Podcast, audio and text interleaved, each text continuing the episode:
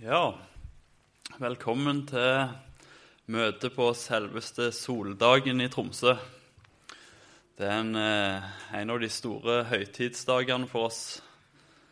Jeg vet ikke om jeg har lov å kalle meg nordlending, men dialekten røper vel at jeg ikke er herifra opprinnelig. Men jeg har nå bodd her i ja, syv år snart. Heter Wilhelm Nessa, gift med Marianne. Vi har to små gutter, og så jobber jeg som ingeniør her i, i Tromsø.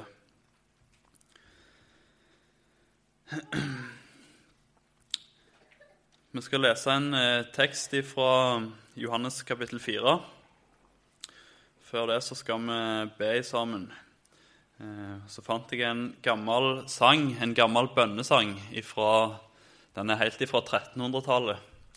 Og Der står det noe om solstrålene, strålene fra Guds ord, som får treffe oss.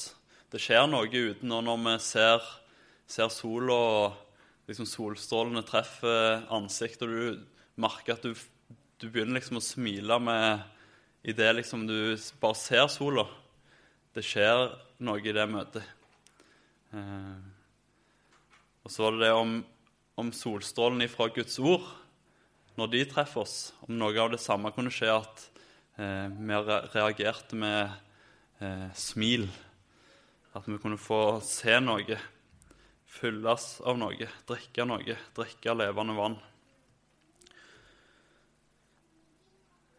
Vi skal be. Gode frelser, kan jeg tåle kraften av en guddomsstråle, og så send den fra deg ned. Tenn meg at jeg må, jeg arme, full av ånd og hellig varme, kjenne all din kjærlighet. Ja, gode Gud, vi har trang til å be deg om det, et møte med deg og et møte med ditt ord. Takk for at vi får samles i ditt navn. Takk for at vi får samles om ditt ord. Og Nå ber vi deg om det, at du må komme til oss med din gode ånd og gi oss det vi trenger. Og vi ber om at du kunne få møte oss sånn som du møtte denne kvinnen ved brønnen, som fikk et personlig og sterkt møte med deg. Det ber vi om i ditt gode navn. Amen. Johannes kapittel 4, fra vers 1 til 26. Da nå Herren visste at fariseerne hadde hørt at Jesus vant flere disipler og døpte flere enn Johannes, enn av Jesus selv ikke døpte, men disiplene hans, da forlot han Judea og dro igjen til Galilea. Han måtte da reise gjennom Samaria. Han kom da til en by i Samaria som heter Syker. Den ligger i nærheten av det jordstykket Jakob ga sin sønn Josef. Der var Jakobs brønn. Jesus var trett etter vandringen og satt nå der ved brønnen. Det var omkring den sjette time. Da kommer en kvinne fra Samaria for å dra opp vann. Jesus sier til henne, 'Gi meg å drikke.' Disiplene hans var gått inn i byen for å kjøpe mat. Den samaritanske kvinnen sier til ham, 'Hvordan kan du, som er jøde, be meg, en samaritansk kvinne, om å få drikke?' Jøder har nemlig ikke omgang med samaritanerne.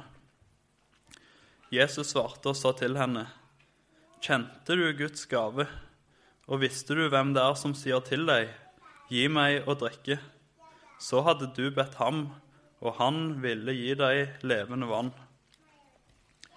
Kvinnen sier til ham, 'Herre, du har ikke noe å dra på vann med, og brønnen er dyp. Har da, hvor har du da det levende vannet fra?'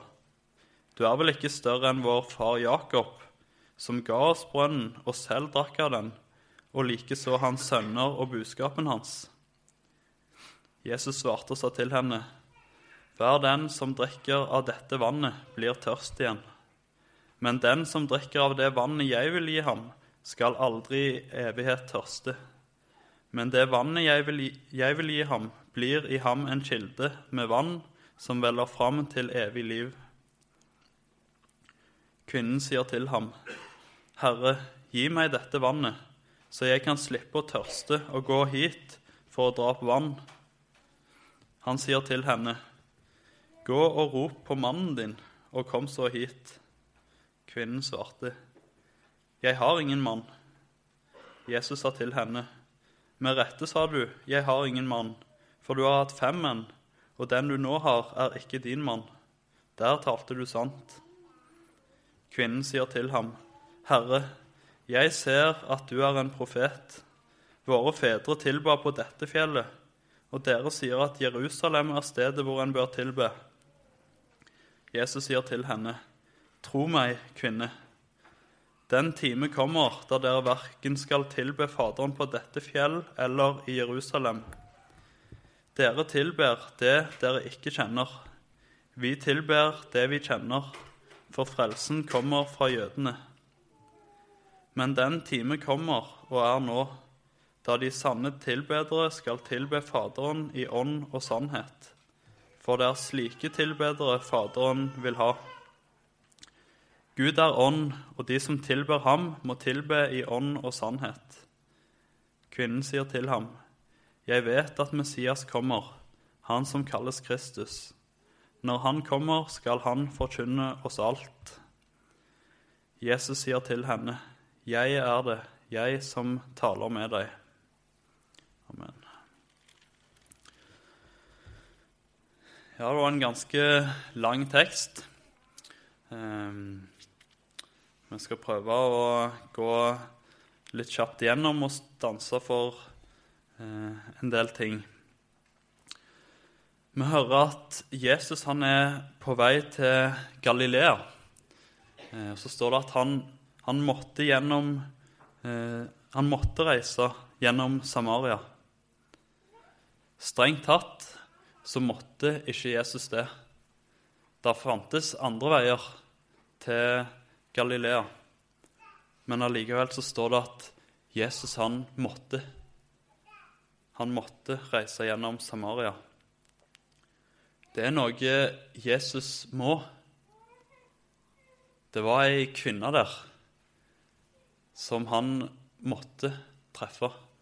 Han måtte ha et personlig møte.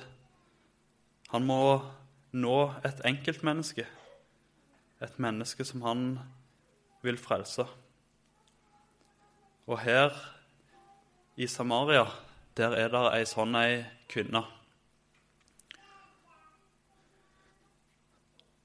skal ikke tale noe om misjonsstrategi og evangeliseringsstrategi. Men det går jo an å undre seg på hvorfor ikke Jesus ble med disiplene inn til byen. Det var jo der liksom folket var. Mye mer folk i byen. Var det ikke viktigere for Jesus at hele byen kunne få høre? At alle skulle få høre? Ja, det er ikke helt opplagt å gi et godt svar på det.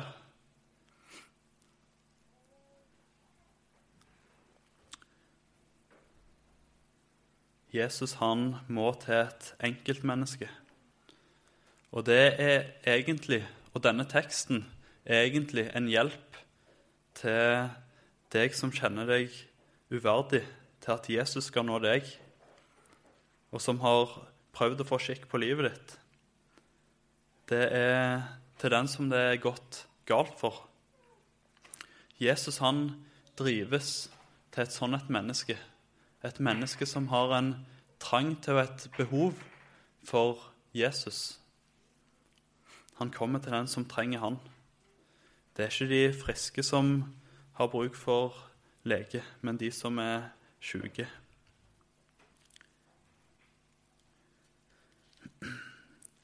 Så kommer Jesus til Syker. Her ligger Jakobs brønn. Og her var eh, den brønnen som Jakob ga til sin sønn Josef. Her ligger òg Jakob begravd. Her er han lagt til hvile. Her er, blir Jesus trett på vandringen. Og så ser du det at Kanskje får du et lite glimt av evangeliet. Jesus er trett. Han er fullt og helt menneske. Han er prøvd i alt, i likhet med oss, men uten synd. Her har Jakob fått lov til å legge seg til hvile i løftet om Jesus. Her møter Jesus ei kvinne som får oppleve det å hvile i trua på Jesus. Disiplene de er gått for å kjøpe brød. Jesus er alene igjen med denne kvinnen. Det første som skjer, det er at Jesus sier noe til denne. Gi meg å drikke. Hun blir forundra. Hun var samaritaner. Det er et blandingsfolk mellom asyrer og jøder. De holdt fast ved de fem mosebøkene i Gammeltestamentet, eh, men de tilba på et Eller holdt et annet fjell for hellig. Så de var på sett og vis Eller de var utenfor Guds folk. Men Jesus han henvender seg òg til den som er utenfor. Han går inn i hennes situasjon. Det er midt på dagen. Sola står høyt på himmelen. Det er nok et uttrykk for at denne kvinna helst hadde lyst å gå ut dit alene. Det var ikke vanlig å gå og hente vann midt på dagen. Men der er Jesus, og han ber om å få vann fordi han har lyst til å tale om vann. Veldig dagligdags situasjon, egentlig. En helt vanlig hverdag for denne kvinna på vei ut for å hente vann. Plutselig så står hun ansikt til ansikt med Jesus, med Guds sønn, med han som er Gud sjøl, verdens frelser. Jesus han svarer når han sier, 'Kjente du Guds gave, og visste du hvem det er som sier til deg:" Gi meg å drikke, så hadde du bedt Han, og Han ville gi deg levende vann. Hvis du visste hvem det er som taler til deg, så, så ville du bedt. Du ba om å få levende vann. Ikke bare et fysisk vann som liksom kan slukke tørsten for noen få timer eller en kort periode, men levende vann. Levende vann. Hun undrer seg. Hvordan skal Jesus kunne det? Han, han har jo ikke noe å ta opp vann med engang. Han har jo ikke bøtte engang. Kanskje det er mange som tenker det. Hvordan kan Jesus hjelpe meg? Han var jo eh, Han var jo sjøl så fattig og svak, og han han måtte dø på et kors.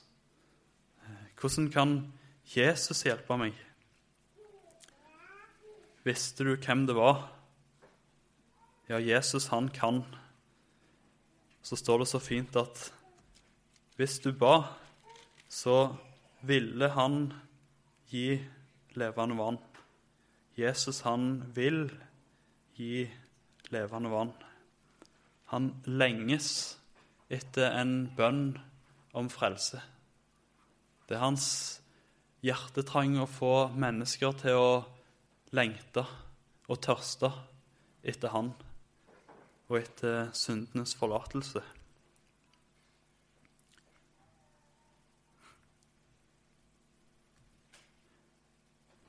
Enhver som drikker av dette vannet, han blir tørst igjen den som drikker vann i Jakobs brønn. Men det er jo òg snakk om eh, det vannet som verden kan gi. Det som liksom er denne verdens brønn, denne verdens eh, glede og fornøyelse. Det som kan på ulike måter slukke den tørsten som mennesket har, for en kort periode men allikevel, det kan være med å slukke en, en tørst og et begjær. det blir du tørst igjen av. Det gir så lite. Det du drømmer om, det du hadde tenkt var liksom lykken i verden, det å liksom få seg en god jobb og god utdanning, eh, penger og hus og eiendom og kjærlighet drømmer du kanskje om. Liksom det å få drømmelivet. Det er liksom å slukke begjæret som du kjenner på, eh, av ulike typer. Det gir så lite.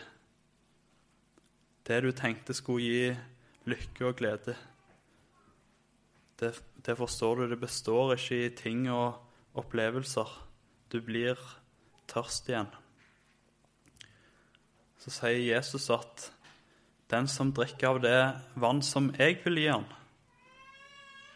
han skal aldri i evighet tørste. Fra Jesus så går det ut en kilde med levende vann. Hos Jesus kan du alltid finne vann. Her er det, her er det regna. Reinere enn Imsdal og Olden og alt det der. Her er det rent kildevann, ikke kloakk. Det er mye skittent vann i dag, mye kloakk, som òg vi fyller oss med, og som vi prøver å tilfredsstille vår tørst og vårt begjær med. Det som verden vil gi oss. Kanskje blir det mest synlig gjennom det vi møter i underholdning og TV og serier og Internett osv. Det er så mye som er skittent. Det som, det som Jesus måtte dø på korset for, det som er synd og det som er galt, det kan vi sitte og, og underholde oss med, kose oss med å få tida til å gå. Det gir så lite. Vi lar oss så altfor lett tilfredsstille for korte perioder. Men menneskets sjel er urolig helt til den finner hvile hos Gud. Det er Augustin som har sagt. Menneskets sjel er urolig til den finner hvile hos Gud. Slukk din tørst hos Han, hos Jesus. Og du som, du som drikker av Han, du som er en kristen, du må holde fast på det som står her. At du aldri i evighet skal tørste. Hvordan livet ditt enn blir, uansett hva du måtte møte. Skuffelser og sorg og nød og det er så mange ting, så kan du vite det. Djupest sett så er din, eh, din tørst, den er slukka. Du skal aldri tørste. Hold fast på det. Så står det så fint at det vannet jeg vil gi ham, det blir i ham en kilde med vann som veller fram til evig liv det er eh, det vann som Jesus sier, det blir et kildespring inni deg til evig liv. Og det er jo fordi at Jesus sjøl tar sin bolig inni deg. Han flytter inn i ditt hjerte ved sin ånd. Og da er det jo noe inni deg, i ditt indre, som aldri kan dø når han har tatt bolig der som går fram imot det evige liv. Du er blitt ett med Han.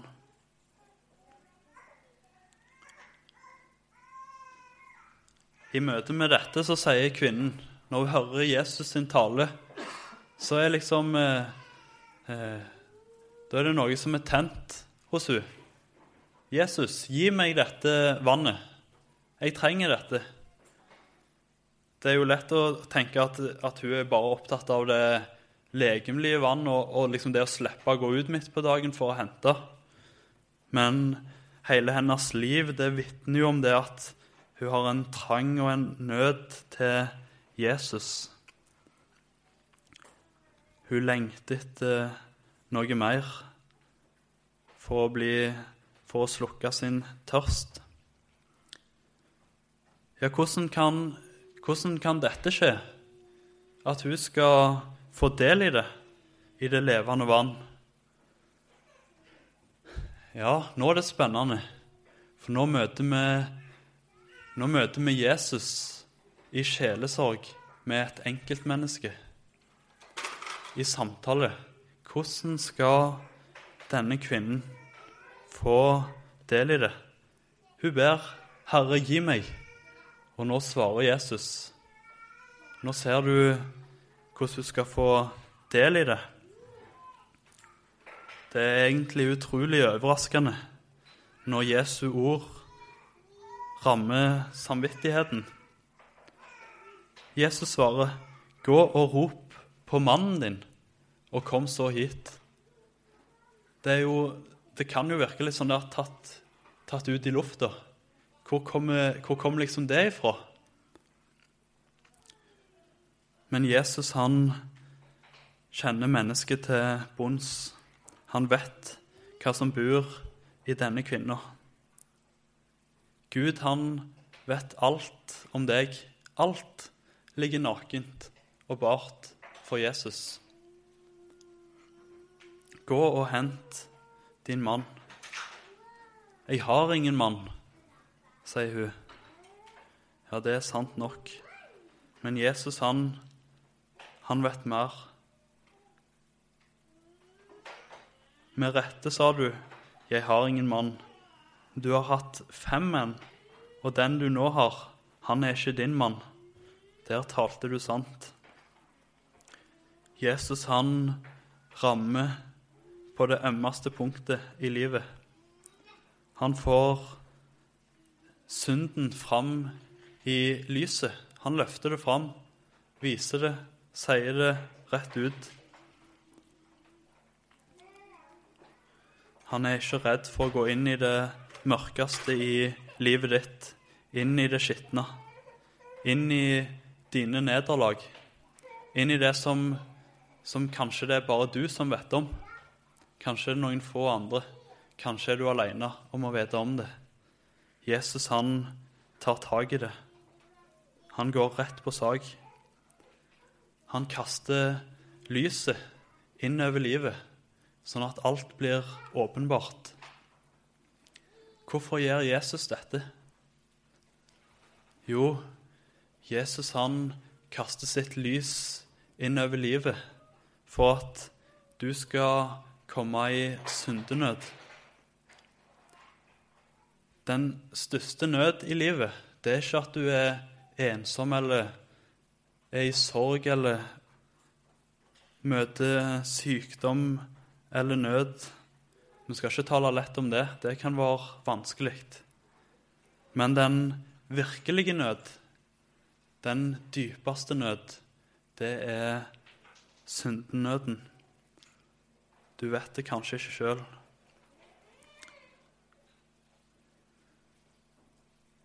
Så kan det se ut som at denne kvinnen hun flykter litt ifra erkjennelsen i møte med Jesus.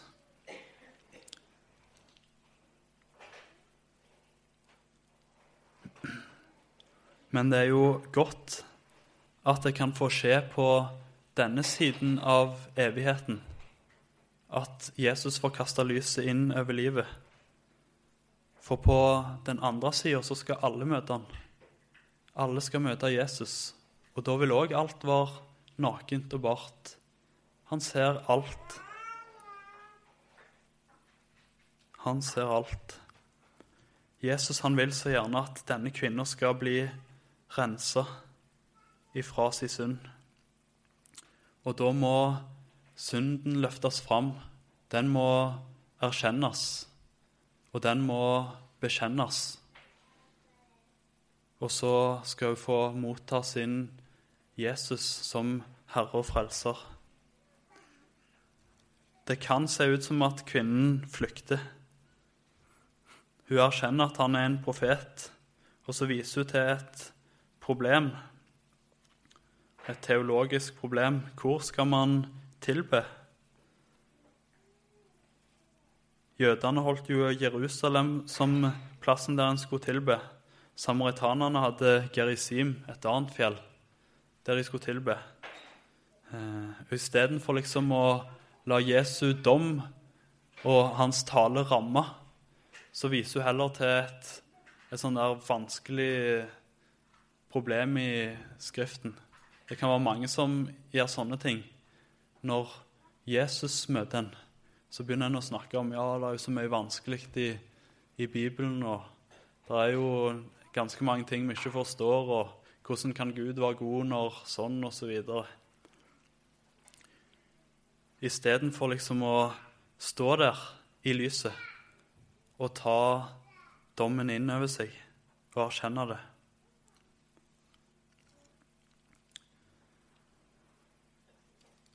Synden, det er noe som du gjør, men det er òg noe som du er. Og kanskje først og fremst det. Det er noe som du er. Og denne kvinna sine fem menn, det er jo bare et et resultat og en følge av at hun i seg sjøl er en synder. Kvinnen er kanskje på jakt etter lykke, men kan ikke tilfredsstilles uansett hvor mange menn hun måtte ha. Hun innser det at hun trenger syndenes forlatelse. Hun trenger en frelser. Og Jesus svar på spørsmålet til kvinnen det er jo egentlig kort og godt at det er ikke avgjørende hvor du tilber Faderen, men på hva måte, hvordan. Den time kommer og er nå da de sanne tilbedere skal tilbe Faderen i ånd og sannhet, for det er slike tilbedere Faderen vil ha. Jesus han spør etter ånd og sannhet som han sjøl er ånd, og sånn som han sjøl er sannhet. Sånne tilbedere er det Faderen søker. Altså er det ikke avgjørende om det er på dette fjellet eller denne plassen eller i ei kirke eller hvor det måtte være, men, men sann synsbekjennelse utløst av Jesu ord og Guds ånd så er det jo sånn at en kan ikke tilbe i ånd og sannhet før en har fått ta imot Guds ånd, og før en har tatt imot Jesus, som er sannhet. Når Jesu ord kaster lys inn over mennesket, sånn som for denne kvinna, innover òg ens tilbedelse, er det liksom eh, sannhet i din tilbedelse? Ja, da ser en et stort dyp foran seg. En ser sin fortapte situasjon. Det hjalp ingenting om en lå på kne og ba i lange tider. En ser en har ikke mulighet. Det var en misjonær i Kina som hadde med seg en gjeng ut på, ut på tur, ut på marka for liksom å, å, undervise om dette her. Hvordan blir et menneske en kristen? Hvordan kan, hvordan kan et menneske bli en kristen? Så tok han med seg en gjeng, og så stilte de en stor ring, og så trampa de ned i, ute i åkeren der. Eh, og så tente de på en stor ring, sånn at den sto i flamme rundt, og så inne i midten der var det ikke tent på. Så tok denne misjonæren og løfta en slange opp i ringen, sånn at den var omringa av flammen. Og mens ringen ble mindre, så sier denne misjonæren fire ord. På norsk begynner de alle på 'for'. Jeg kan ikke kinesisk, så det vet jeg ikke hvordan det er. Men denne slangen han begynner liksom å søke rundt og rundt og ser er det liksom noen muligheter og vei ut av her. Eh, og misjonæren han sier Nå er slangen forvirra. Og slangen fortsetter å gå, øker kanskje farten. Springer rundt og Er det noen mulighet her? Så ser han nei, det er tett. Nå er slangen fortvila, sier misjonæren. Ringen blir enda mindre. Det begynner å bli varmt. Slangen øker tempoet voldsomt. Nå er slangen forskrekka. Til slutt er ringen blitt så liten, og det begynner å bli så varmt at slangen legger seg bare og kveiler seg sammen i en liten ball. Og så sier misjonæren nå er slangen fortapt.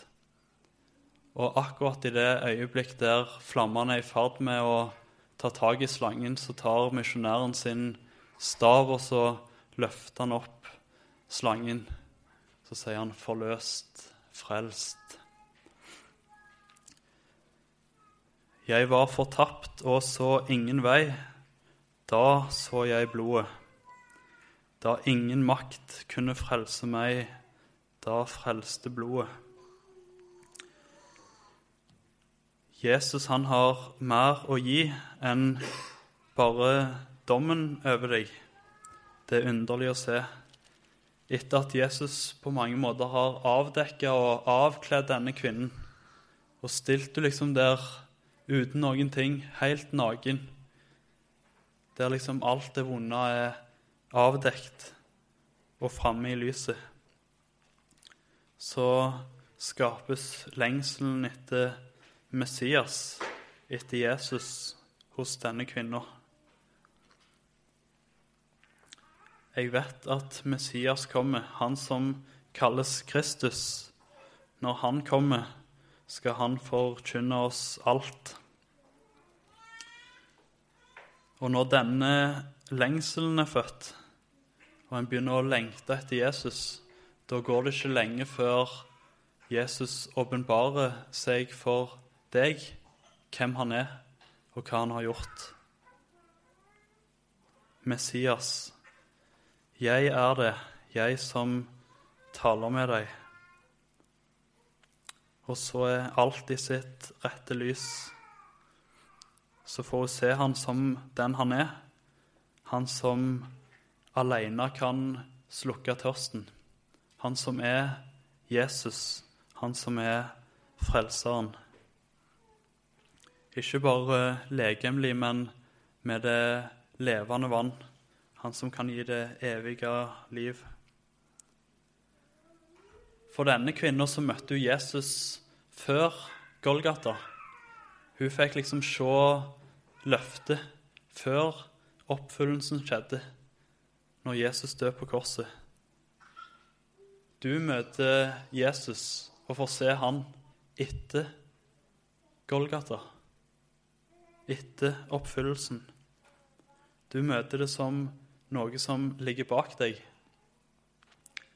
Jesus, han som er din frelser, din forsoner, han hang på korset som ditt skyldbrev. Gud, Faderen, han festa sin sønn Jesus til korset.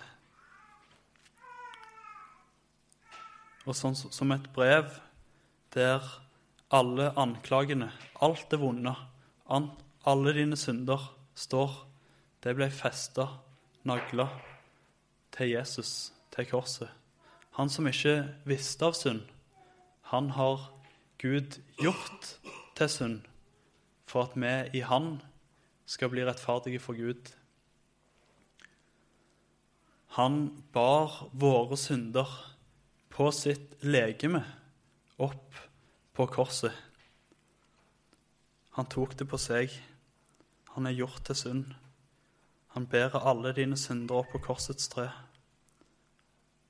Alt det som er så vanskelig, det som du sliter med i dag, det som er vondt i dag, det var med. Det som Jesus har sona, Det som han har båret med seg, det skal ikke du bære. Det er lagt på han. Det er tilgitt. Det er ordna. Det er fullbrakt for deg og for ditt kristne liv i dag, denne uka. Du skal få høre og tro at Jesu Kristi blod, det renser ifra all synd. Hør det, tro det, ta imot det. Og så kunne denne kvinna få gå inn til byen og vitne om noe noen vers seinere. Hun sier, 'Kom og se en mann som har sagt meg alt det som jeg har gjort'. Det er jo egentlig et voldsomt vitnesbyrd. Han kjente meg til bunns. Han visste alt om meg. Han pekte på det vonde i livet mitt. Allikevel så brenner han av kjærlighet til meg. Han vil ha med meg å gjøre. Sånn som Peter òg sier det etter oppstandelsen, når Jesus møter han. Herre, du vet alt. Herre, du vet alt. Du vet at jeg har deg kjær. Deg jeg eier må, min Jesus, det er bare synd i meg. Hjertet mitt er armt og øyde, og så kaldt og dødt i seg i ditt dyre blod åleine, reint og godt det verta kan. Ja, mitt hjerte vil jeg vaske i det blod som for meg rann.